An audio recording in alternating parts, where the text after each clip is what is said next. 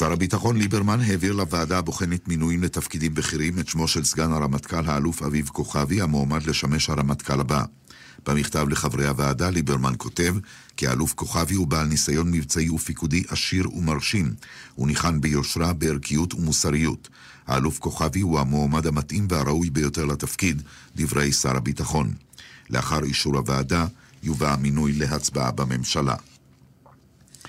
עורכי החדשות, הילה מרינוב ורמי עדן.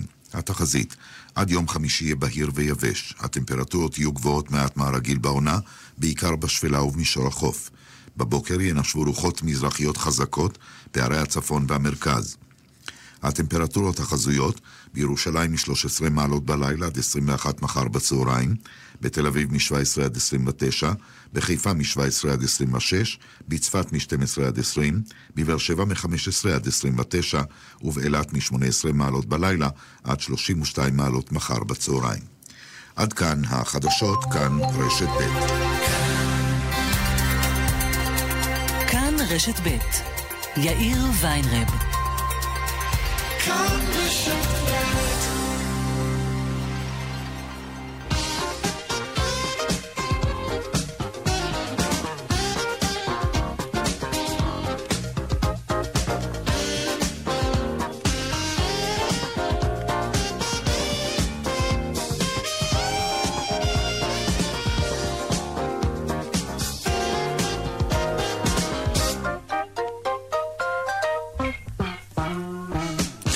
ארבע וחמש דקות ועוד שמונה עשרה שניות בדיוק, כאן צבע הכסף ברשת ב', שלום רב לכם, שבוע טוב.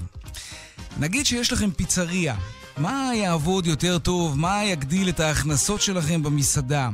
אם תציעו ללקוחות שלכם מלכתחילה פיצה עם תוספות במחיר מסוים ותאפשרו להם לוותר על התוספות כדי להוריד את המחיר, או אם תציעו פיצה ללא תוספות בכלל במחיר בסיסי ותאפשרו להם להוסיף זיתים, בצל, פטריות וכולי, בתמורה לתוספת תשלום כמובן. מחקר שנערך במקביל בארצות הברית ובאיטליה גילה שדווקא ההצעה היקרה יותר עם התוספות גרמה ללקוחות לקחת פיצה עשירה יותר ויקרה יותר. רוב הלקוחות אפילו הוסיפו עוד ועוד מרכיבים לפיצה כך שהם שילמו בסוף יותר מההצעה היקרה מלכתחילה. אלו שהציעו להם פיצה ללא תוספות בכלל, נשארו פחות או יותר בסביבה הזאת עם פיצה בסיסית, לא היה להם את הלהט לשדרג את הפיצה שלהם. בספר פענוח הצופן השיווקי מסופר גם על ניסוי דומה בענף הרכב. הציעו לאנשים מכוניות מאובזרות ואפשרו להם לוותר אה, על התוספות כדי להוריד את המחיר. ולאחרים הציעו מכוניות ללא אביזרים בכלל ואפשרו להם להוסיף אביזרים בתשלום. גם במקרה הזה הלקוחות שהכניסו יותר כסף לסוכנות היו אלה שהציעו להם מלכתחילה מכונית מאובזרת יותר. כשמציעים לנו להוסיף אביזרים למכונית או תוספת לפיצה, אנחנו חושבים על המחיר שיעלה ואנחנו לא אוהבים את זה. כשמציעים לנו לוותר על התוספות, אנחנו חושבים על הפחתת עלויות, והמוח שלנו רואה הבדל גדול בין שני הדברים, למרות שזה בעצם אותו הדבר. כאן צבע הכסף, מעכשיו עד חמש, העורך רונן פולק. מפיקת צבע הכסף היום, אורנה ברוכמן, הטכנאי רומן סורקין, אני יאיר ויינרב. מוזמנים לעקוב גם בטוויטר, הדואל שלנו כסף כרוכית כאן.org.il. מוזמנים ליצור קשר גם בדף הפייסבוק שלנו, כאן ב'. מיד מתחילים. אנחנו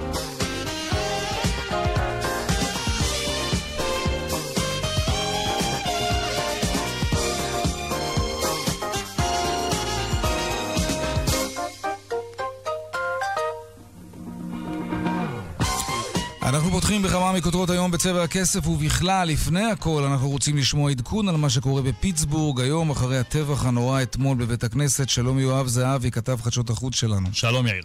העדכון שלך. אמ, אז ממש לפני דקות אחדות הסתיימה מסיבת עיתונאים של הרשויות בפנסילבניה. אה, פורסמה שם רשימת 11 אה, הנרצחים אה, בבית הכנסת אתמול. הצעיר ביותר, בן 54, מבוגרת בת 97, יש שם אחים וגם זוג נשוי, בעל ואישה, ברשותך נקריא את שמותיהם.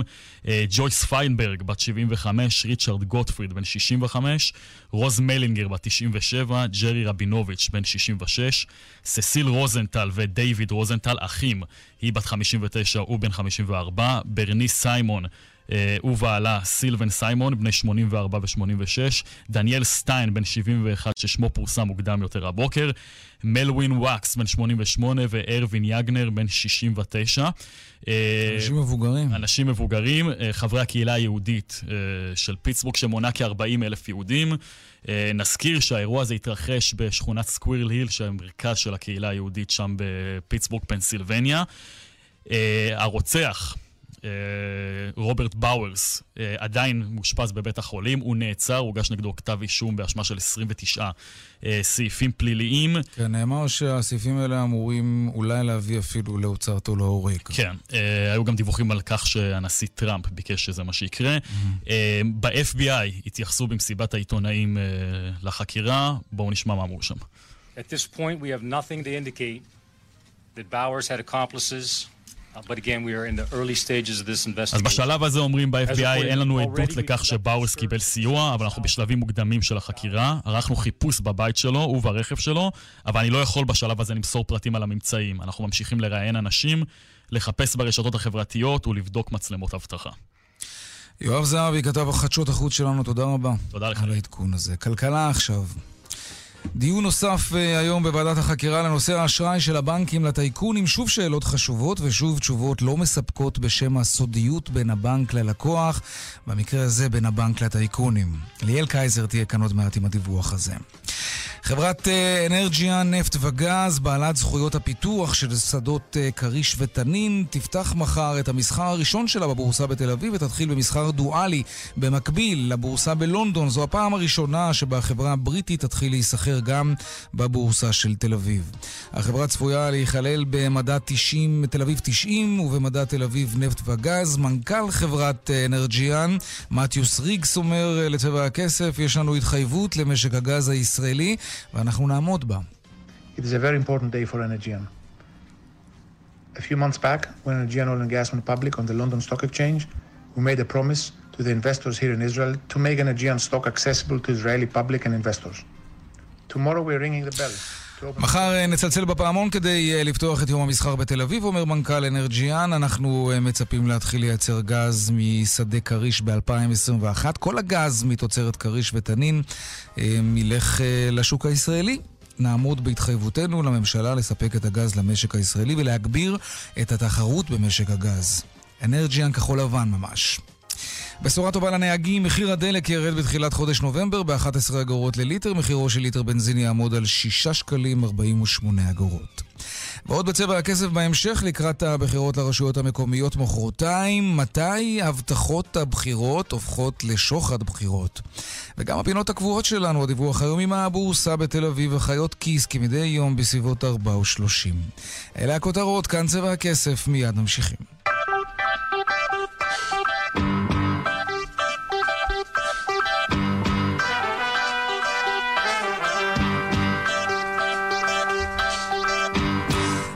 עוד ראשי בנקים אה, הגיעו גם היום לוועדת הטייקונים בכנסת, ועדה שהוקמה כזכור בעקבות קריסתו של איש העסקים אליעזר פישמן, בגלל זה גם קוראים לוועדה הזאת ועדת פישמן, ואמורה להבין הוועדה הזו איך זה שהבנקים נתנו לטייקונים שנפלו כל כך הרבה כסף על חשבוננו בין היתר. שלום ליאל קייזר, כתבתנו לענייני כלכלה. שלום יאיר. השאלות אולי נוקבות, התשובות לא מספקות. נכון יאיר, היום אה, מגיעים לוועדה הזאת אה, שמכונה כאמור ועדת פישמן, ראשי בנק לאומי. המנכ"לית רקפת רוסק קמינוח ויושב הראש של הבנק דוד אה, ברודט. בשבוע שעבר אה, ראינו שם את מנכ"ל הפועלים אה, אריק פינטו ואת היושב ראש שלהם עודד ערן, וממש כמו במפגש הקודם בשבוע שעבר, יש המון שאלות. חברי הכנסת שיושבים בוועדה הזאת בהחלט עשו עבודת הכנה, הכינו לעצמם לא מעט שאלות קשות לשאול את ראשי הבנקים, כיצד ייתכן שהם נתנו כסף לאנשי עסקים גדולים, טייקונים, גם כאשר אלה היו ממש במצב של קשיים אה, פיננסיים, כמו שראינו את אה, נוחי דנקנר וה-IDB שלו, שקרסה לבסוף ויצאה משליטתו. אה, כיצד ייתכן שאדם בעל פנים ושם מסוים יכול היה להיכנס לבנק גם כשאין לו כיסוי ולצאת עם מאות מיליוני שקלים? השאלות uh, בהחלט נוקבות, גם נשאלות על ידי uh, העיתונות בשנים האחרונות, אבל התשובות הן uh, בעיקר, אפשר לקרוא להן מתחמקות, ואפשר לומר שהמסגרת הזאת היא פשוט לא אולי מתאימה לשאלת השאלות האלה, כי לראשי המערכת הבנקאית, יאיר, יש מה שמכונה אה, חיסיון אה, בנקאי, חוק הבנקאות בישראל קובע שישנם אה, נתונים שהם חסויים בין אה, לקוח לבין הבנק שלו, וראשי המערכת הבנקאית, גם היום אה, מנכ"לית לאומי ויושב ראש הבנק יושבים בפני חברי הכנסת, שומעים את השאלות, אבל אה, אומרים, ככל שהשאלות האלה מתקרבות אה, לסוגיות הבוערות באמת, לאותן אה, דמויות בולטות שניהלו את המשק הישראלי ממש בעשור האחרון, בדיוק כשזה מגיע לנקודות המעניינות, יאיר, אז הם באים ואומרים, ישנו חיסיון בנקאי. ואנחנו לא נוכל לספר uh, על מה שהתרחש. טוב, אנחנו נמשיך לעקוב אחרי השאלות הנוקבות, והשאלות הלא מספקות, זה בטח גם מה שיהיה בהמשך, סביר להניח. נכון, צריך להגיד שהיום יכול להיות שלאט לאט uh, נופל האסימון uh,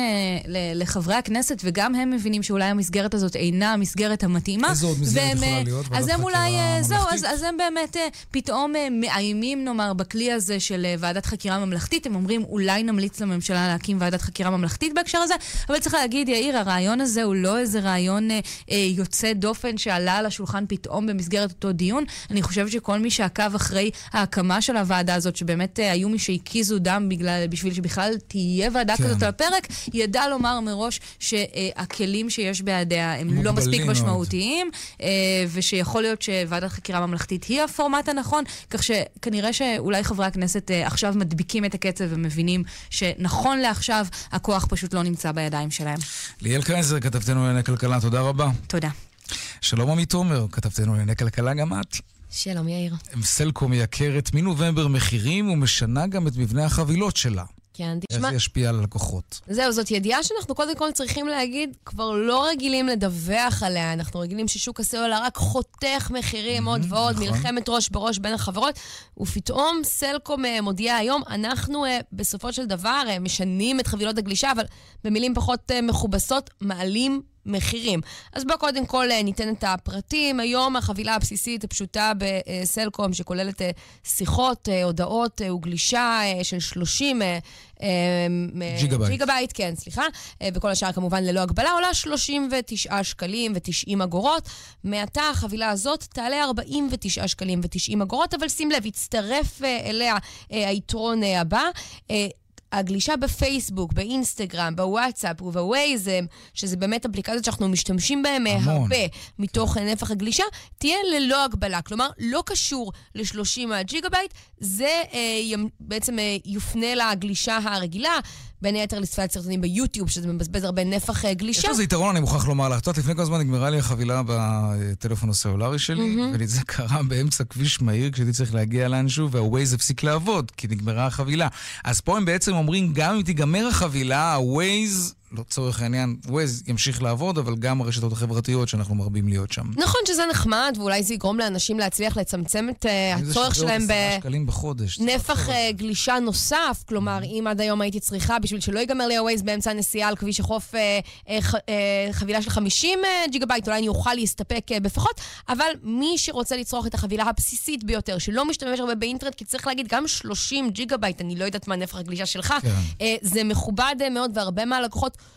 לא מגיעים לזה, והמשמעות מבחינתם תהיה עליית מחירים. עוד אה, כוכבית אחת אה, בעסקה הזאת, אה, זה שבעצם היום היה מחיר הצטרפות, המחיר הזול יותר, ולאחר מכן המחיר עלה. כאן המחיר מתחיל ונשאר אותו דבר. צריך גם להגיד, לקוחות החברה שכבר התחילו בחבילת הצטרפות, זה לא ישנו עבורם, רק ללקוחות חדשים שהצטרפו מנובמבר, אבל בעיניי יותר מעניין להסתכל על המגמה הרחבה יותר. באמת המשמעות של זה היא שחברת סלולר מרכזית, מובילה, מעלה מחירים, וגורמים בסלקום שאני משוחחת איתם היום באים ואומרים לי, אנחנו רואים את הדוחות הכספיים, היה לנו הפסד בתחום של הסלולר ברבעון האחרון, mm-hmm. אי אפשר להמשיך ככה בלהוריד את המחירים עוד ועוד, ועכשיו יהיה מעניין לראות האם זה ייצור אה, מגמה, האם החברות שעד עכשיו, זהו, לא העזו לעשות את זה, יצטרפו אה, לגל הזה. צריך להגיד, במקביל אנחנו עדיין אה, רואים חברות, רמי לוי, מבצע סלולר בשקל שלו, לקהל המנויים שלו ברשת המזון, שרק חותכים את המחירים, כלומר זה לא איזה... כן, אבל אלו מפעילים וירטואליים שיש להם את החסרונות לצד היתרונות שלהם כמובן. כן, זה לא איזה משהו גורף, כן. ועדיין חבילת בסיס הכי זולה שיש, בכמעט 50 שקלים, שזה מה שסלקום מציע כרגע, זה כבר מחיר שאנחנו לא רגילים אליו, ומעניין יהיה לראות מה הלקוחות יעשו. מאוד. כי זה עשרה שקלים זה לא נשמע מאוד משמעותי. 120 שקל בשנה, כן. כן, לכאן או לכאן, אבל יש גם לקוחות, צריך להגיד, של חברות אחרות שמשלמים פחות ממה שסלקום גבתה עד היום, וזה כבר נהיה מעבר משמעותי. כן, זה יהיה מעניין. עמית עומר, כתבתנו לענייני כלכלה, תודה רבה על העדכון הזה. תודה. עכשיו נדבר על נדל"ן בשני קולות. יש כידוע בארץ שני גופים שאחראים לספר לנו מה קורה בשוק הדיור, ואלו אה, הלמ"ס, הלשכה המרכזית לסטטיסטיקה, וגם הכלכלן הראשי באוצר. הרבה מאוד פעמים הנתונים שלהם סותרים, וזה תמיד מבלבל. זה קרה לאחרונה די הרבה בעניין של כן או לא ירידות מחירים, כן או לא קיפאון בנדל"ן. העיתון גלובס החליט לעשות בעניין הזה סדר. שלום אורי חודי מגלובס. אהלן, אחר טובים. גם לך. בואו נתחיל בדוגמאות, בפערים המדהימים שיש בין שני הגופים האלו, שמספרים לנו את אותו סיפור, אבל עם עלילה קצת שונה. כן, נכון. אנחנו, בפתיח ציינת את זה יפה. אנחנו מדברים בעצם על נתונים שאנחנו כ, כציבור רחב, וגם אה, אני כעיתונאי, וגם, אה, אגב, אנשי מקצוע בענף הנדל"ן, אם זה עורכי דין, אם זה שמאים, אם זה יזמים, אם זה קבלנים, בעצם אה, מחפשים נתונים כדי להתבסס עליהם, כדי לדעת מה קרה, מה יהיה, איך לפעול. ובעצם כל סוגיית הנתונים בענף הנדל"ן היא בעייתית. עכשיו, היום התמקדנו בכתבה שלנו בגלובס בדיווח אחד, שהוא דיווח אה, פשוט על פניו, דיווח של כמה דירות חדשות נמכרו מדי חודש. זה דיווח שאתה יודע, על פניו אתה מסתכל, אתה אומר, אה, טוב, יש דירה שנמכרת, זה לא משהו ככה קטן שצריך אה, לחפש אותו, זה, זה משהו שהוא לא די ברור. כן. נכון, אז, אה, ואנחנו רוצים לדעת כמה דירות חדשות בעצם נמכרות בחודש. עכשיו, יש לנו שני גופים שבעצם מודדים לנו את הנתון הזה. גוף אחד זה הלשכה המרכזית לסטטיסטיקה, כמו שאמרת. גוף אחר זה במסגרת הסקירות של הכלכלן הראשי באוצר, פעם בחודש אנחנו יכולים למצוא גם את הנתון הזה אצלם. אבל מה? מסתבר ששני הגופים האלה מודדים את הנתון הזה בצורה שונה. איך אפשר למדוד עוברים... אה, באופן אחר פרט כל כך או? בסיסי, כמו כמה דירות קבלנים מכרו? שאלה מצוינת. אז זה מה שאנחנו בעצם רצינו לבדוק. כי למה בעצם ביקשנו לבדוק את זה? כי אנחנו... רגע, נאמר, את... נאמר, רק סליחה שאני כותב אותך, למה זה חשוב לציבור לדעת כמה דירות קבלנים מכרו? כי זה מטבע הדברים מלמד על הלך הרוח בשוק הנדל"ן. האם, האם הקיפאון מופשר? האם הקיפאון יהיה עמוק יותר? יש לזה כמובן משמעויות גם על ההחלטה שכל אחד ואחד מאיתנו צריך לקחת. לגמרי, וזו החלטה שמתחדדת אפילו עוד יותר בימים שיש לנו את תוכנית מחיר למשתכן, שהיא בעצם באה ואומרת לאנשים, חכו חכו, יש דירות מוז... מוזלות, אז אה, אנחנו נכון. רוצים לדעת אם ללכת על זה, לא נכון. ללכת על זה. אז לקחתם את הנתון החשוב הזה וניסיתם לראות למה יש פערים בין שני נכון, הגופים האלה. נכון, רצינו לראות למה יש פערים, ובעצם הסיבה לפערים היא פשוט, היא, היא, היא די פשוטה בסופו של דבר. היא מדידה שונה. כלומר, בלמ"ס באים ובודקים מה, אה, מהי דירה אה, חדשה שנמכרה, וההגדרה שלהם היא דירה שכבר קיבלה היתר בנייה, למשל. עכשיו, דירה שקיבלה היתר בנייה זה יפה, אבל מה לעשות שיש לא מעט דירות בישראל שנמכרות על הנייר. כלומר, עוד לפני שלפרויקט יש היתר בנייה, ואז. באים באוצר, והמדידה של האוצר היא מדידה שנעשית על בסיס דירות שנמכרו עם דיווח לרשות המיסים, אבל זה יכול להיות גם דירות על הנייר, וכאן אתה מקבל בעצם פער. עכשיו, הפער הזה הוא לפעמים פער גדול, לפעמים פער קטן, ולפעמים הוא מגמות הפוכות לחלוטין. מה זה פער עכשיו, גדול? תן לנו דוגמה. תראה, אתה יכול להסתכל למשל על חודש, חודש אה, מרץ האחרון, מרץ 2018. כן. Uh, בלמ"ס uh, הסתכלנו והדיווח היה על סביב 1,500 דירות חדשות שנמכרו. אוקיי. Okay. Okay. באוצר באותו חודש דיווחו על סביב 2,600 דירות. קרוב ל-2,700 אפילו. כלומר, יותר מ-1,000 דירות פער, אם אני מחשב נכון. יש לנו כן. פה כמה דירות, אה, לא מעט דירות שהלכו לאיבוד. עכשיו, הבסיס נתונים השונה הזה, שבעצם בא ומוציא מנתון אחד את אותן דירות שנמכרו על הנייר ו- ו- ונותן לך להסתכל על אותו נתון, זה בעצם הדבר מספר אחד שמבלבל את האנשים. עכשיו, אנחנו בעצם באים ושואלים את השאלה, מדוע לבלבל? למה לא להחליט על גורם אחד שיבוא ויפרסם את אותו נתון, כי דיברנו כבר, זה אותו נתון. נכון. למה לא לפרסם את זה אה, בצורה נכונה, בצורה אה, חד משמעית, שכל מי שירצה לדעת את הנתון הזה לא יצטרך להתחיל להסתבך בהגדרות, זה כן נכון, זה לא נכון, להסתכל על המגמות. עכשיו, יש לנו גם דוגמה לזה, כלומר, בעבר היו כל מיני גופים שבדקו בכמה המחירים עלו וירדו, שזה בערך השאלה שמעניינת פה נכון. הרבה מאוד אנשים בעשור האחרון. ובגלל אותו בלבול אגב, שהיה, כי היו כל מיני גופים שדיווחו על, על שונות במכרז ומדדו שונה, ואז בא שר האוצר והחליט החלטה שהיא עד היום די שנויה במחלוקת, אבל אמר, אני מרשה רק ללמ"ס לפרסם את שונות המחירים. הוא יהיה הגוף הרשמי היחידי שיוכל לפרסם מטעם מדינת ישראל מה קרה למחירי הדירות.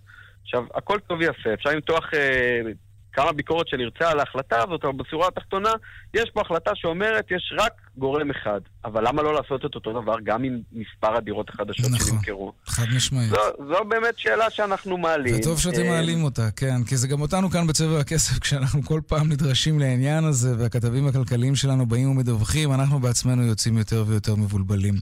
אורי חודי, אורי חודי, בגלובס, תודה רבה. תודה רבה, אחר צהריים טובים. גם לך. על פי הערכות יגיעו לאילת קרוב ל-150 אלף תיירים במהלך החורף הקרוב. גם רשות שדות התעופה מדווחת על uh, צפי, כן, לצמיחה משמעותית במספר התיירים לעיר הדרומית. שלום יריב לוין, שר התיירות. שלום רב. תראה, לפני אילת, אני רוצה לשאול אותך, שר התיירות, הטבח הנורא בבית הכנסת בפיטסבורג, זה קורה על רקע דברים שאנחנו שומעים עליהם מעת לעת, עלייה באנטישמיות גם באירופה, גם בארצות הברית. איפה התופעה הזאת פוגשת את המשרד שלך, שמנסה לשווק את ישראל בעולם, אפילו מצליח להעלות את מספר התיירים שמגיעים לפה? האמת היא שכשנכנסתי לתפקיד אה, אמרו לי, תשמע, אין שום סיכוי להצליח. אה, יש בעיות של אנטישמיות, בעיות של BDS, בעיות של אה, מחירים, בעיות ביטחוניות. אה, ובוודאי שכל הדברים האלה הם אה, מקשיבים, אבל אה, בשורה התחתונה אני חושב שעדיין, גם בתנאים האלה אפשר להגיע ולנצל את הפוטנציאל העצום שיש לענף הזה. אתם נתקלים ש... בזה אבל? אתם נתקלים באיזושהי חומה נתקלים... בצורה של אנטישמיות כשאתם מנסים לשווק את ישראל? אנחנו נתקלים בתופעות כאלה, אבל בסופו איפה? של עניין, אבל בסופו של עניין זה שולי מסיבה פשוטה, מאחר ששוק התיירות הוא כל כך גדול. אה, אנחנו עדיין הרי רחוקים מאוד מלמצות את הפוטנציאל אה, של אותם אלה שהם לא אנטישמים ולא תומכים ב-BDS אה, ולא חוששים כל כך ממצב ביטחוני וכן הלאה. ולכן אני חושב שהעובדה שהצלחנו להגיע למצב שאם היה לנו רק ב-2016 2.9 מיליון תיירים והשנה אנחנו נהיה עם כ-4 מיליון תיירים, כלומר גידול של למעלה ממיליון תיירים בתוך. שנתיים, אני חושב שזה בהחלט אה, מוכיח שהתופעות האלה קיימות, אבל אפשר להתגבר עליהן. אה, ובעבודת שיווק נכונה אה, להגיע לתוצאות משמעותיות. אוקיי, okay, בוא נדבר רגע על שיווק. אילת, אגב, משווקת בעולם כאילת, נכון? מבחינה שיווקית זה מרגיש כאילו קצת מנותקת מישראל. אה, ממש לא, צריך לזכור שבכל העולם הגישה השיווקית היום היא לשווק אה, ערים או אזורים ופחות מדינות. אה, כך למשל משווקים את מדריד או את ברצלונה או את האיים הקנריים ולא איזושהי כותרת גדולה של ספרד, והדוגמאות הן כמובן רבות. אז זה לא יוצא דופן. אה, לא רק שזה לא יוצא דופן, אלא אני חושב שזו אחת השגיאות שנעשו בעבר, שלא היה מיקוד אה, ושיווק באופן אה, נקודתי, כי הרי מי שמתעניין בלהגיע לאילת ולבלות בחוף ולבלות בתיירות המדברית שאנחנו מציעים, זה לא בהכרח אותו קהל שמגיע לסיור צלייני בכנסיות וכדומה. כן. ולכן אני חושב שהבידול הזה הוא נכון שיווקית. אה, אגב, הוא נעשה לא רק באילת, אנחנו משתדלים לייצר אה, שיווק שהוא נקודתי אה, לכל אחד מהאזורים בארץ, להתאים אותו לקהל היעד הרלוונטי, ובסך הכל זה עובד יפה. תגיד, קראתי איפשהו שהמשרד, משרד התיירות, מתגמל משהו כמו 45 אירו לכל תייר שחברת תעופה מביאה לאילת. זה נכון? נכון, אה, המציאות היא בעולם היא כזו ש... אתם בעצם מאוד... מסבסדים את התיירות הזאת, אז יש פה אולי קצת משהו שהוא יוצא בסופו של דבר מלאכותי, לא? חד משמעית מסבסדים, וצריך להבין אה, שהדבר הזה נעשה בכל העולם בהיקפים גדולים מאוד. אה, והעובדה שישראל אה, נמנעה מלעשות את הדבר הזה פשוט הביאה למצב שבו אילת נמחקה ממפת התיירות העולמית. אה, היו כאן רק ארבע טיסות שבועיות לאילת, פחות מ-500 תיירים שהגיעו אליה בשבוע כאשר אני נכנסתי לתפקיד. וכאשר אנחנו ניסינו להביא לכאן חברות תעופה נוספות ולנסות באמת לייצר תנועה תיירים כפי שהייתה בעבר, אמרו לנו החברות, ובצדק רב מבחינתן, ומדובר ביעד לא מוכר, יעד חדש, שאין אליו תנועה היום, ולכן כדי להביא אליו תנועה יש סיכון גדול. חברה כזו מעמידה מטוס, מעמידה טיסה כל שבוע. והיא רוצה לדעת שהיא מקבלת איזושהי רשת ביטחון שמאפשרת לה לתת מחירים יותר נמוכים ובדרך הזו אה, לייצר חבילה אטרקטיבית. אז כמה כסף זה עולה בשנה להביא תיירים לאילת? כאילו, לא, האמת היא שלא העליתי על דעתי שזה עולה לנו, לציבור, כסף. לא, בוודאי, בוודאי. צריך לזכור שזה חלק ממאמצי השיווק שאנחנו עושים, אבל צריך להבין שכל תייר... אה, שמגיע לאילת משאיר כאן בממוצע למעלה מ-2,000 שקל בביקור שלו. אה, ולכן כאשר אתה משקיע בסבסוד של העניין הזה 45 או בחלק מהמקרים אפילו 60 יורו, הרי שהתועלת שאתה מקבל אה, היא ביחס של בין פי 8 לפעמים אפילו פי 10 מהסכום שאתה משקיע, וזו בוודאי תשואה מצוינת לכל השקעה. אגב, צריך לומר עוד דבר אחד, שככל שאילת תתבסס כיעד אה, תיירות מוכר, כך ברור שאפשר יהיה אחר כך להידרש אה, לסבסוד בהיקף יותר קטן. לא כל כך חשבתי אה, שאילת הוא יעד תיירותי לא מוכר, האמת. אגב, אבל אם אנחנו כבר מדברים על אילת, מה יהיה עם שדה דוב? הרי זה גזר דין מוות לתיירות, אומרים באילת. גם אתה התנגדת לסגירת שדה דוב, אמרת שזה ימית חורבן על התיירות שם. אז, אז מה, מה יעזור לנו עכשיו סבסוד של 45 יורו לתייר אם לא יהיה שדה תעופה שיוכל להביא לשם תיירים? טוב, קודם כל הסבסוד ניתן לטיסות שמגיעות מאירופה ולכן אה, זה לא שייך לסוגיית שדה דוב וצריך אגב לומר שבאמת אנחנו עשינו קפיצה מדהימה מארבע טיסות שבועיות בלבד רק לפני שלוש שנים ל-57 טיסות שבועיות uh, עכשיו. uh, ואם uh, בהתחלה הטיסות היו רובן uh, רק משלוש או ארבע מדינות במזרח אירופה הרי שהשנה אנחנו כבר uh, נראה טיסה ישירה לאילת ממדריד, uh, מציריך אה, מווינה, מלונדון, מפריז, כלומר מהפכה גדולה מאוד, אה, יגיעו לאילת בין 8,000 ל-10,000 תיירים בכל שבוע, לעומת אה, כ-500 רק לפני שלוש שנים. ולכן אני חושב שההשקעה הזו, צריך לראות אותה כהשקעה שיווקית שהביאה תוצאות אדירות. הבעיה של שדה דוב היא בעיה שנוגעת לתיירות הפנים, היא פוגעת מאוד בתיירות הפנים לאילת. אה, זה בהחלט אה, דבר אה, שאני באופן אישי התנגדתי לו, ואני עדיין חושב שהיה נכון שלא לסגור את השדה. אני מקווה שימצא לעניין הזה בסופו של עניין פתרון יותר נכון, כי אילת בהחלט לא יכולה להתבסס רק על תיירות פנים כפי שהיה עד עכשיו, אבל היא עדיין תלויה בה מאוד. יריב לוין, שר התיירות, לא הספקנו לדבר על פוליטיקה, תודה. וטוב שכך, אתה יודע, תיירות זה דבר נהדר, כן. ואני תמיד שמח. אה, דווקא היו לי כמה שאלות. מה אתה אומר על המשבר אה, נתניהו-סער, בכל זאת, ככה, על הדרך? אני מציע, אתה יודע, שאולי כולם ייסעו לנפוש באילת, זה תמיד מועיל. היה ניסיון כזה מצד אה, גדעון סער או לא? באיזה צד אתה? נמצא. אני לא נמצא, לא רוצה לקחת צדדים, אמרתי לך. לא, האם אתה מאמין שהיה פה ניסיון מצד אה, גדעון סער לא לרקום? אה, אני לא עוסק באמונות, אני עוסק בלהביא תיירים, וזה התפקיד ובלהתחמק משאלות פוליטיות. יריב לוין, שר התיירות, תודה רבה לך. תודה רבה. דיווחי התנועה בחסות עכשיו בסופר פארם מגוון מוצרים שבמבצע רק בתשעה שקלים. אל תפספסו. להשיג בסניפים ובסופר פארם אונליין כפוף לתקנון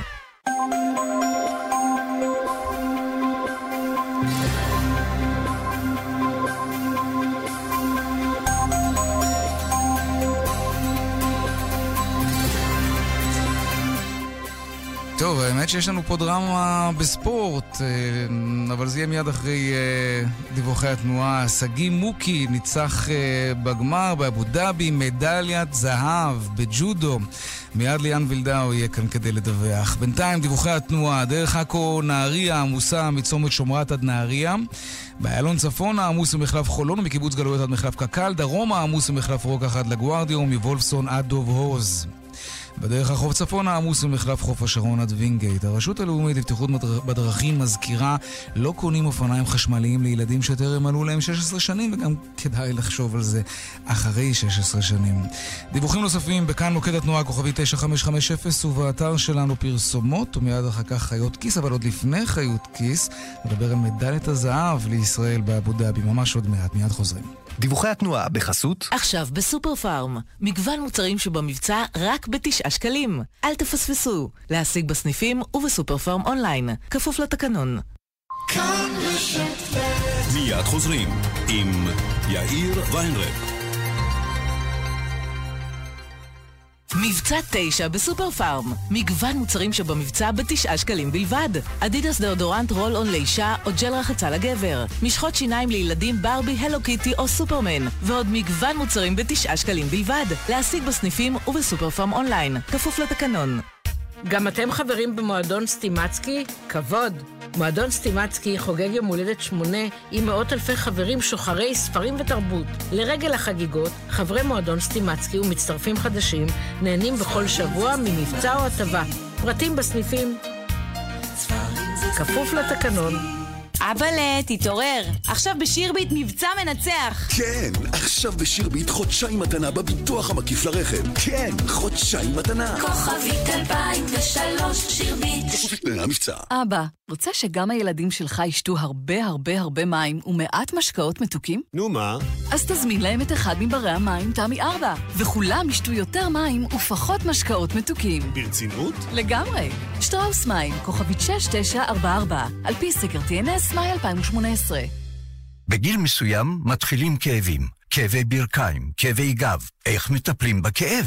משככי כאבים? זריקות?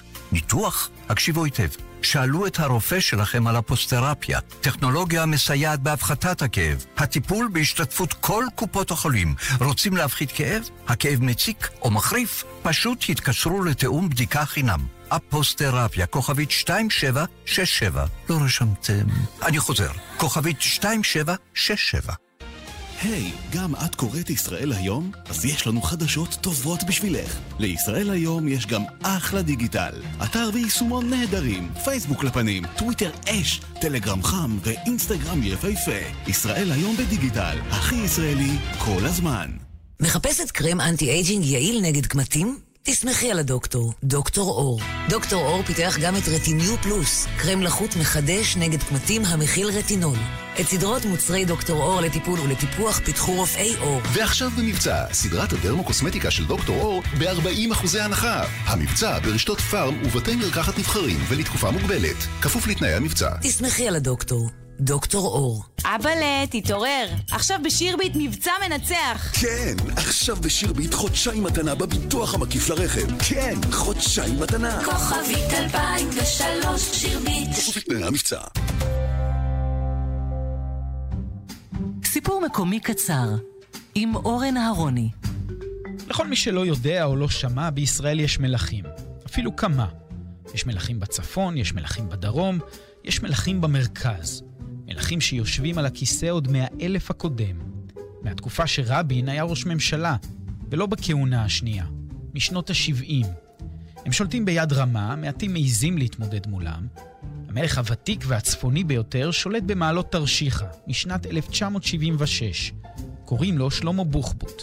מה משותף לבגין, ברז'נייב ואפרים דרעי? בשנת 1977 עלה בגין לשלטון בישראל, ברז'נייב בברית המועצות, ואפרים דרעי בכפר יונה. ומה ההבדל ביניהם, אתם שואלים? האחרון עדיין שם. בכל הארץ לא פחות מ-14 ראשי ערים שולטים כבר יותר מ-20 שנה. הנה כמה. יחיאל זוהר בנתיבות, סימון אלפסי ביוקנעם ועדי אלדר בכרמיאל בשלטון עוד משנות ה-80. פיני בדש שולט בעומר מאז כבש סדאם חוסיין את כווית, 1990. כשטדי קולק הפסיד לאולמרט בבחירות 93, זכו בראשות העירייה צורי במוצקין ומוטי ששון בחולון. גם הם עדיין שם. ותגידו מזל טוב לרון חולדאי מתל אביב, אלי ברדה ממגדל העמק, מרים פיירברג מנתניה וצבי גוב-ארי מיבנה. כל אלה חוגגים השנה 20 שנה בכיסא הרם. אז בעוד אלף שנים, כשארכיאולוגים יחפרו כאן בארץ ישראל, סביר להניח כי יחשבו שמדובר בתקופת המשך למלכים א' ולמלכים ב'. סיפור מקומי קצר עם אורן אהרוני. בבחירות המקומיות בוחרים כאן רשת ב'.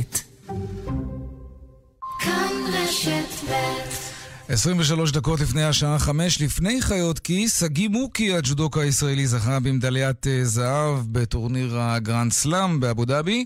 ליאן וילדאו, כתבנו, מסמנים לי שהוא עדיין לא על הקו. הוא יהיה עוד שנייה על הקו. בינתיים אה, נספר לכם שוב, מדליית זהב לישראל בטורניר היוקרתי באבו דאבי. האם יש איפון, ווזארי? ליאן וילדאו כתבנו, שלום. שלום, שלום, אז יאיר. מה היה שם? לפני, רגע לפני טוב... המדליה, כן. אה, קודם כל בשורות טובות. יש מדליית זהב ראשונה לנבחרת שלנו uh, בטורניר הזה. שגיא מוקי במשקל עד 81 אה, קילוגרמים, מנצח בגמר את יריבו הבלגי קאסה, בווזארי בניקוד זהב, כלומר במהלך אחד מוצלח של שגיא הוא מכריע את הקרב הזה. וזו מדליה רביעית לישראל, שלוש מדליות ארד עוד לפני כן, עכשיו מדליית זהב, והמשמעות היא שהתקווה בפעם הראשונה באבו דאבי אמורה להתנגן בהסכם, לה, בהתאם לסיכום המוקדם שהושג עוד לפני התחרות, אה, שהישראלים התחרו עם סממנים ישראלים, ולעיני שרת התרבות והספורט מירי רגב, שגם אה, נכחה באולם. אה, אוטוטו זה אמור גם לקרות, בהמשך נגינת התקווה, ויש לנו אגב עוד יום תחרויות עם שלושה מתחרים גם מחר, היום יום התחרויות האחרון. צריך להזכיר איזשהו אירוע אנטי ספורטיבי, אפשר להגדיר אותו עוד במהלך התחרות ביום הזה, כאשר יריב איראני, אלוף העולם למעשה, אה, האיראני, שהיה יכול להתחרות מול שגיא בגמר, הוא התמודד אה, מול אה, אותו יריב בלגי בחצי הגמר, ופשוט נפל עליו מזרן וסימן על פציעה ברגלו, אפילו פונה באלונקה מהמזרן, גם לא עלה אגב לקרב על הארד אחר כך.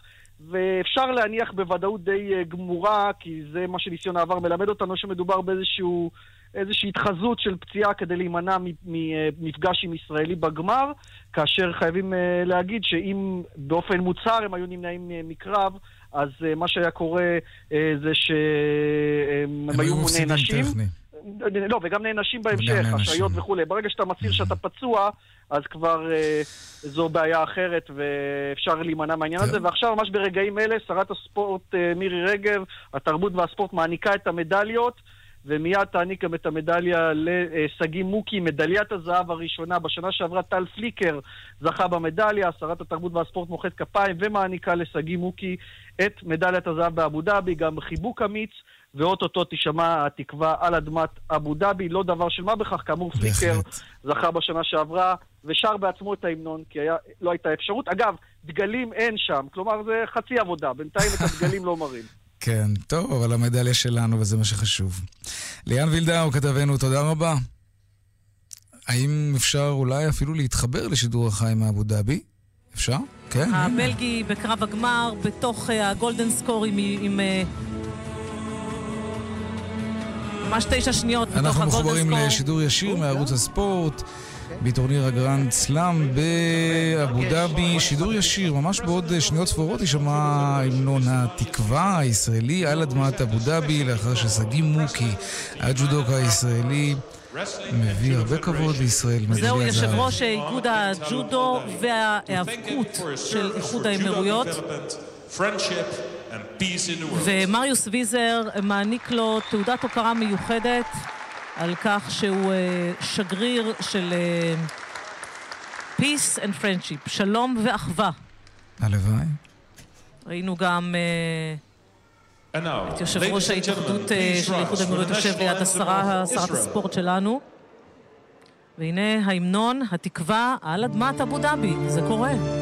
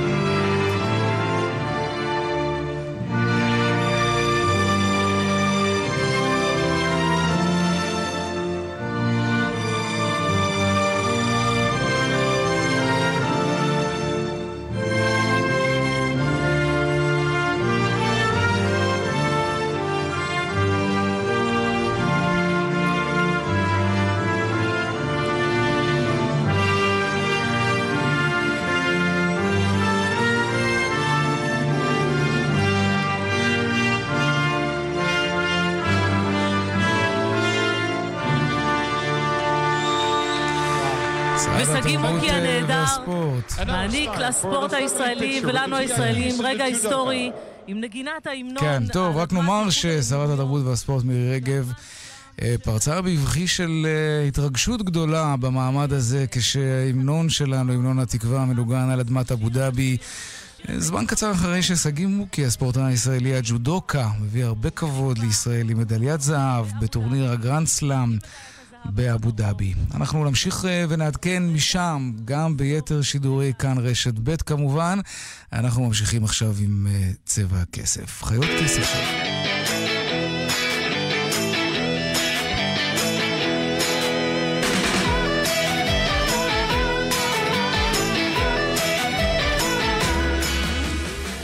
כיס עכשיו, אתם שואלים, וחיות כיס עונות, ואפשר לשאול בטוויטר, השטג חיות כיס ללא רווח, וגם בדואל שלנו, כסף כרוכית כאן.org.il.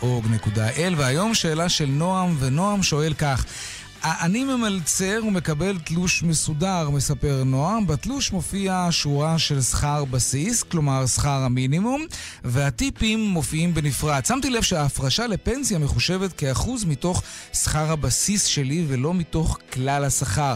זה אומר שמופרש לי בערך חצי ממה שיכול היה להיות מופרש לי אם זה היה מתוך סך המשכורת שלי, כולל הטיפים שאני מקבל.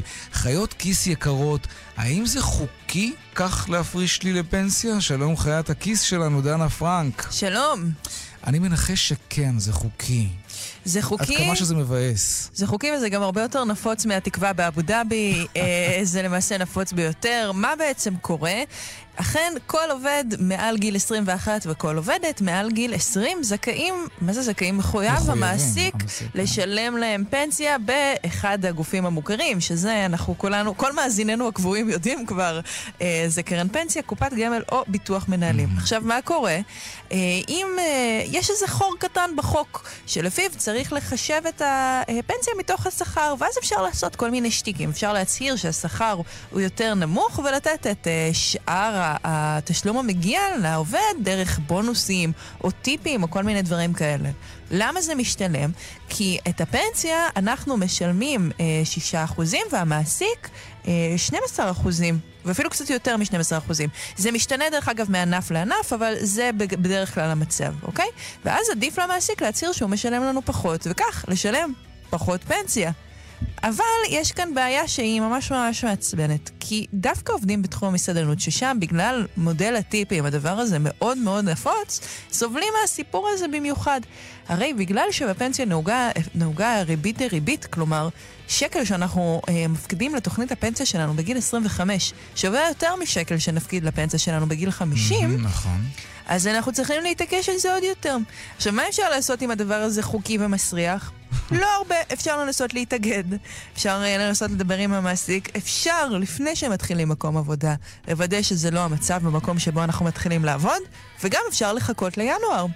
כי החל מינואר, יפה, כן. החל מינואר, בעקבות uh, פסיקה של בית הדין, לא, ייגמר בעצם מודל הטיפים כמו שאנחנו מכירים אותו, והטיפים יעברו להיות מחושבים כשכר של העובד. כל הטיפים ובואו נקווה, נחיה ונראה כיצד המעסיקים ימצאו דרך להמציא שטיקים חדשים. עד אז אנחנו יכולים להאמין ולקוות שבזאת יסתיים הסיפור המלוכלך והלא כל כך נעים של הורדת הסכום מתוך הפנסיה. אנחנו מבטיחים לעקוב ולדווח. דנה פרנק, חיית הכיס שלנו, תודה רבה. תודה לך.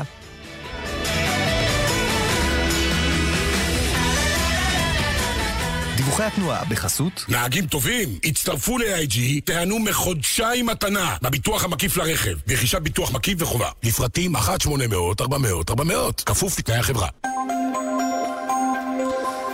אלו הם הדיווחים מכאן, מוקד התנועה דרך עכו נהריה עמוסה מצומת שומרת עד נהריה, באיילון צפון העמוס ממחלף חולון ומקיבוץ גלויות עד מחלף קק"ל, דרומה יש עומס ממחלף רוקח עד לגוארדיה ומוולפסון עד דוב הוז. בדרך החוף צפונה עמוס ממחלף חוף השרון עד וינגייט, הרשות הלאומית לבטיחות בדרכים מזכירה לא קונים אופניים חשמליים לילדים שטרם מלאו להם 16 שנים. דיווחים נוספים בכאן מוקד התנועה, כוכבי 9550 ובאתר כאן פרסומות, ומיד חוזרים.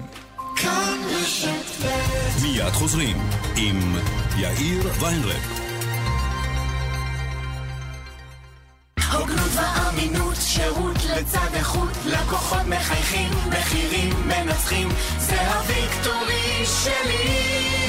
בבחירות האזוריות מצביעים ברגליים, מגיעים לסניפי ויקטורי ונהנים ממחירים מנצחים. ויקטורי חסכת ניצחת, ויקטורי חסכת ניצחת נותרו שלושה ימי בחירות ברשת מחסני חשמל. גם כפל מבצעים, גם כפל הנחות. עד 50% הנחה על כל החנות, וגם מתנה על כל קנייה. רק עד יום שלישי ב-10 בלילה ועד הפריט האחרון. שלושה ימי בחירות אחרונים ברשת מחסני חשמל.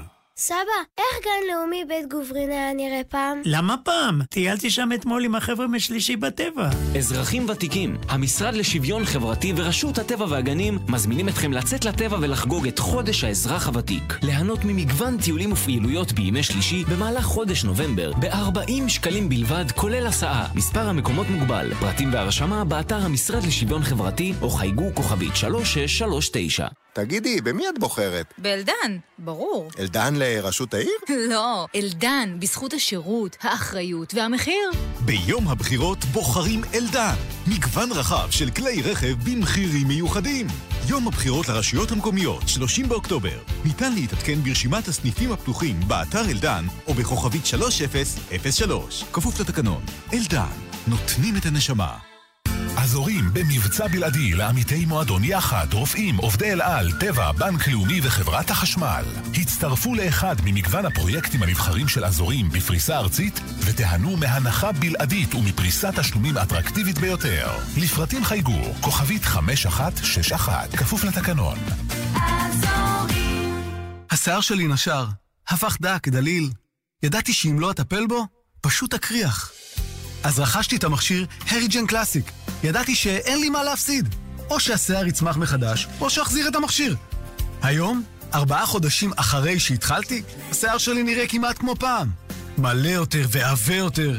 המלצה אישית, חפשו בגוגל שיער נולד, או התקשרו 1-800-66-5544.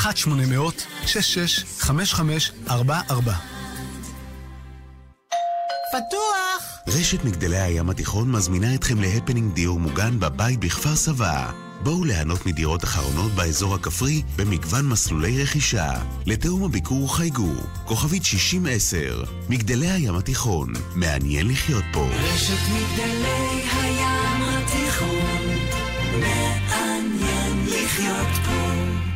ליברה, חברת הביטוח החדשה של ישראל, מתחייבת לפעול בהוגנות, לצאת סבבה עם לקוחותיה, ולא להעלות את הפרמיה האוטומטית במקרה של תאונה. ליברה, משנים סדרי ביטוח. לחיסכון של עד 50% בביטוח המקיף לרכב, חפשו ליברה בגוגל או חייגו, כוכבית 6323. ליברה, חברה לביטוח בע"מ, כפוף להנחיות החברה.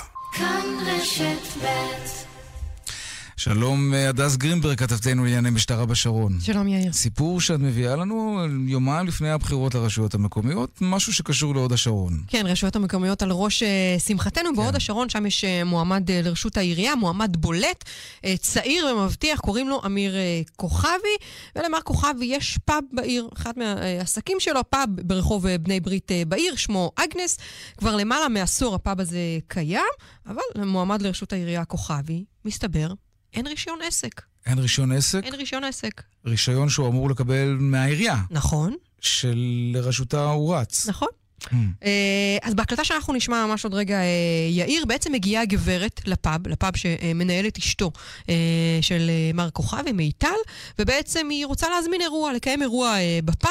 היא שואלת אותה מספר שאלות, והיא רוצה לברר אם יש רישיון עסק. ואז מה אומרת לה גברת כוכבי? בוא נשמע. רגע, רישיון עסק יש פה? לא. אין. משרד עורכי דין טוב, אני אעדכן, את יודעת, זה משרד עורכי דין. אבל אין רישיון עסק, קודם כל אם נכנסים לפינה הזאת, אז תגידי לה שהיא יכולה להתקשר אליי. אוקיי. אני אסביר לה יותר, אבל אין פה רישיון עסק בגלל שאין לנו אישור מהוועדה לבניין ערים על שימוש חורג. יש לנו את כל אישורי הרשויות ויש ביטוח. אז אין רישיון עסק, אבל כמו שאומרת מיטל כוכבי, אשתו של מעמד לראשות העירייה בהוד השרון, אמיר כוכבי, יש אישורים אחרים? אולי נשמע... אבל העירייה, כן, בוא נצרף את אמיר כוכבי, מתמודד לראשות העיר הוד השרון, שלום לך. אהלן, ערב טוב. ממש ללא... ידיעה, ידיעה דרמטית, כמעט כמו שגיא מוקי והמדליה. עם העובדה שהטרחת את עצמך לעלות לשידור, אז כנראה שזה דרמטי. עצמי. קודם נתקן כמה עובדות. הפאב אגנס הוא חלק משלושה פאבים ששייכים לחברת א' מ' יזמות ברים, שהיא חברה שחציה בבעלות אשתי, אני בכלל לא קשור.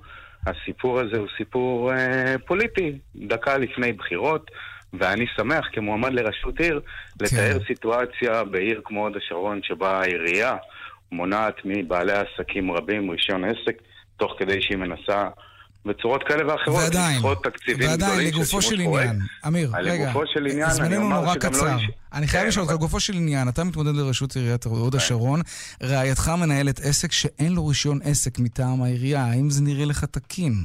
זה ממש לא נראה לי תקין, אבל אם הייתם משמיעים את כל ההקלטה שמופיעה כבר בעמוד פייסבוק מכפיש, כן. הייתם שומעים בעלת עסק שעונה בכנות למי שבא אליה כדי אה, לקבל שירותים, אומרת לה, אין לי רישיון עסק, אבל יש לי אישור משטרה, יש לי אישור בטיחות, יש לי אישור כיבוי אש, יש לי אישור תברואה.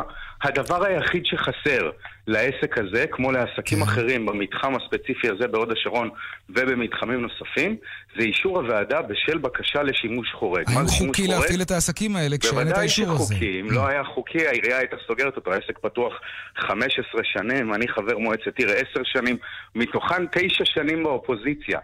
קל לך לתאר עד כמה ראש עירייה שיש לו חבר מועצה אופוזיציונר מולו, היה שמח לעוט על עסק שפועל שלא כחוק כדי לסגור אותו. לא רק שהעסק פועל כחוק, אני אומר זאת כך, ההתעקשות של העירייה לא לפתור את בעיית השימוש החורג, למרות שוועדת התכנון כבר החליטה להפסיק לגבות מהמתחמים האלה את השימוש החורג, אבל ההתעקשות של הנהלת העירייה לא לקיים את המדיניות החדשה ביחס למתחם הזה, כן. היא זאת שצריכה להיבדק, ואני אומר שוב, העסק הזה פועל כחוק כן. בהתאם לאישורי משטרה, כיבוי אש ותברואה, שחשוב כן, שמענו לומר... את זה גם בהקלטה. לא, רגע, לא, לא שמענו, כי לא שידרנו זמננו... לא, לא, שידרנו, שידר- שידרנו שהיא אמרה אני- בהחלט ש... אני- כן. אבל משפט אחרון, כל האישורים נמצאים למעט האישור הזה. זה חשוב להגיד. האישורים האלה מתחדשים כל שנה בהתאם לדרישות שכך, החוק. כן. אמיר נכון. כוכבי, מתמודד לראשות העיר הוד השרון, זמננו פשוט תם.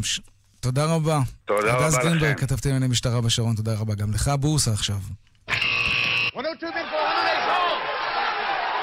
108 200, take them. שלום רונן מנחם, מנהל מחלקת השקעות ואסטרטגיה בבנק מזרחי טפחות. שלום יאיר. אז איך היום שבוע היו המסחר? עליבות קלות באחד העם, אה, תל אביב 35 ו-125 עלו בין 0.06% ל-0.18%. מניות הנפט, הגז והתקשורת עלו במעל אה, אחוז, ומנגד מניות הביומד ירדו ב-0.85% בהשפעת טבע ופריגו שירדו בניו יורק. אג"ח השקליות עלו 0.12% בעקבות העליות של אגרות החוב בארצות הברית. ככלל, השוק הישראלי מגיב ביום ראשון לשוק האיחוד, והטלטלות בשוקי המניות בעולם נמשכות. כך ביום החמישי ראינו בארצות הברית ירידות אה, חזקות, עליות חזקות, ולאחר מכן ביום שישי ירידות חוזרות. כמה גורמים שמעיקים הרבה זמן לשווקים, אה, כגון סעודיה, איטליה, ברקזיט, ארצות הברית ויחסיה עם סין ורוסיה ובחירות האמצע בארצות הברית, יחד עם כמה דוחות אה, פושרים של חברות גדולות כמו אמזון וגוגל, שביום שישי פרס- פרסמו אותם, גרמו לירידות של סוף השבוע. צריך להתרגל גם לטלטלות האלה, כיוון שהם יימשכו בתקופה הקרובה, לפחות עד שחלק מסימני השאלה שהצגתי לכם יקבלו מענה.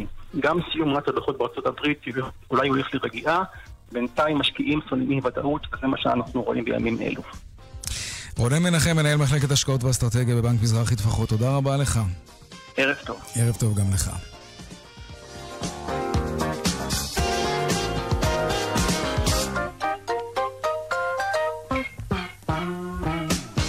עד כאן צבע הכסף ליום ראשון, העורך רונן פולק, מפיקת צבע הכסף היום, אורנה ברוכמן, טכנאי השידור רומן סורקין, אני יאיר ויינרם, מוזמנים לעקוב גם בטוויטר, מיד אחרינו כאן הערב עם רן בנימיני ויגאל גואטה. ערב טוב ושקט שיהיה לנו שבוע טוב, שלום שלום.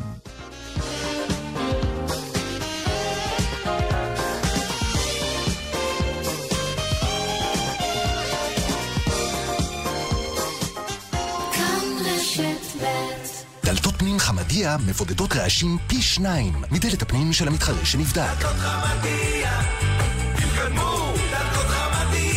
על פי בדיקה שנערכה בנובמבר 2017. העם בוחר על העם, 22 אחוזי הנחה ונוסף על כך המע"מ עלינו. לדוגמה, מקרר הייר, ארבע דלתות ב-3,590 שקלים בלבד. המבצע עד 30 באוקטובר בכל סניפי על המוצרים שבמבצע. בליברה, חברת הביטוח החדשה של ישראל, הלקוחות שותפים לרווחי החברה. קולטים, אתם מקבלים רבע מהרווחים. וזוהי רק ההתחלה. אנחנו בליברה מתחייבים לעשות את הכל אחרת. ליברה, משנים סדרי ביטוח. לחיסכון של עד 50% בביטוח המקיף לרכב, חפשו ליברה בגוגל או חייגו, כוכבית 6323. ליברה, חברה לביטוח בע"מ, כפוף לתקנון.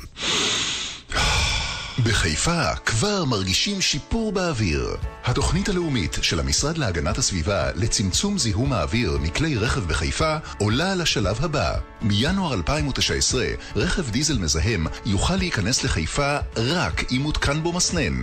לבדיקה אם רכבכם מזהם, חפשו בגוגל אוויר נקי בחיפה. מוגש מטעם המשרד להגנת הסביבה ועיריית חיפה. אלימות בלתי שום יסוד הדמוקרטיה הישראלית. יש לגנות אותה בתבונה, להוקיע אותה, לבודד אותה. זו לא דרכה של מדינת ישראל. 23 שנה לרצח ראש הממשלה יצחק רבין. המוזיאון הישראלי פותח את שעריו לקהל חינם מ-21 באוקטובר עד 4 בנובמבר. להזמנות כוכבית 4585. ב-30 לאוקטובר בוחרים שלמה סיקס. מיצובישי אאוטלנדר 2015, רק 77,700 שקלים. מחיר מיוחד רק ליום אחד. כוכבית 8890, המלאי מוגבל. עושים מינוי דו-שנתי לידיעות אחרונות ויכולים ליהנות מהטבה. שואב אבק מהפכני דייסון V8 אבסולוט בשווי 2,390 שקלים, ומערכת אביזרים בשווי 450 שקלים מתנה. בהצטרפות חייגו כוכבית 3778, כפוף לתקנון ולאזורי החלוקה, בהצטרפות למסלול שבמבצע ולמצטרפים חדשים בלבד. ידיעות אחרונות, העיתון של המדינה. ידיעות אחרונות מחקרים מעידים כי ילדים הסובלים מהפרעת קשב וריכוז עלולים לסבול גם מתזונה שאינה מאוזנת. צנטרום ג'וניור, מולטי ויטמין המכיל 22 ויטמינים ומינרלים התורמים להשלמת תזונת הילדים. ועכשיו, צנטרום במבצע 30% הנחה ברשתות הפעם ובתי מרקחת נבחרים. כפוף לתנאי המבצע. צנטרום, בוחר על העם, 22 אחוזי הנחה ונוסף על כך המע"מ עלינו. לדוגמה, מכונת כביסה ווירפול 6 קילוגרמים ב-990 שקלים בלבד. המבצע עד 30 באוקטובר בכל סניפי העם. על המוצרים שבמבצע. ליברה, משנים סדרי ביטוח. כוכבית 6323. רן בנימיני ויגאל גואטה. כאן, אחרי החדשות. כאן רשת ב'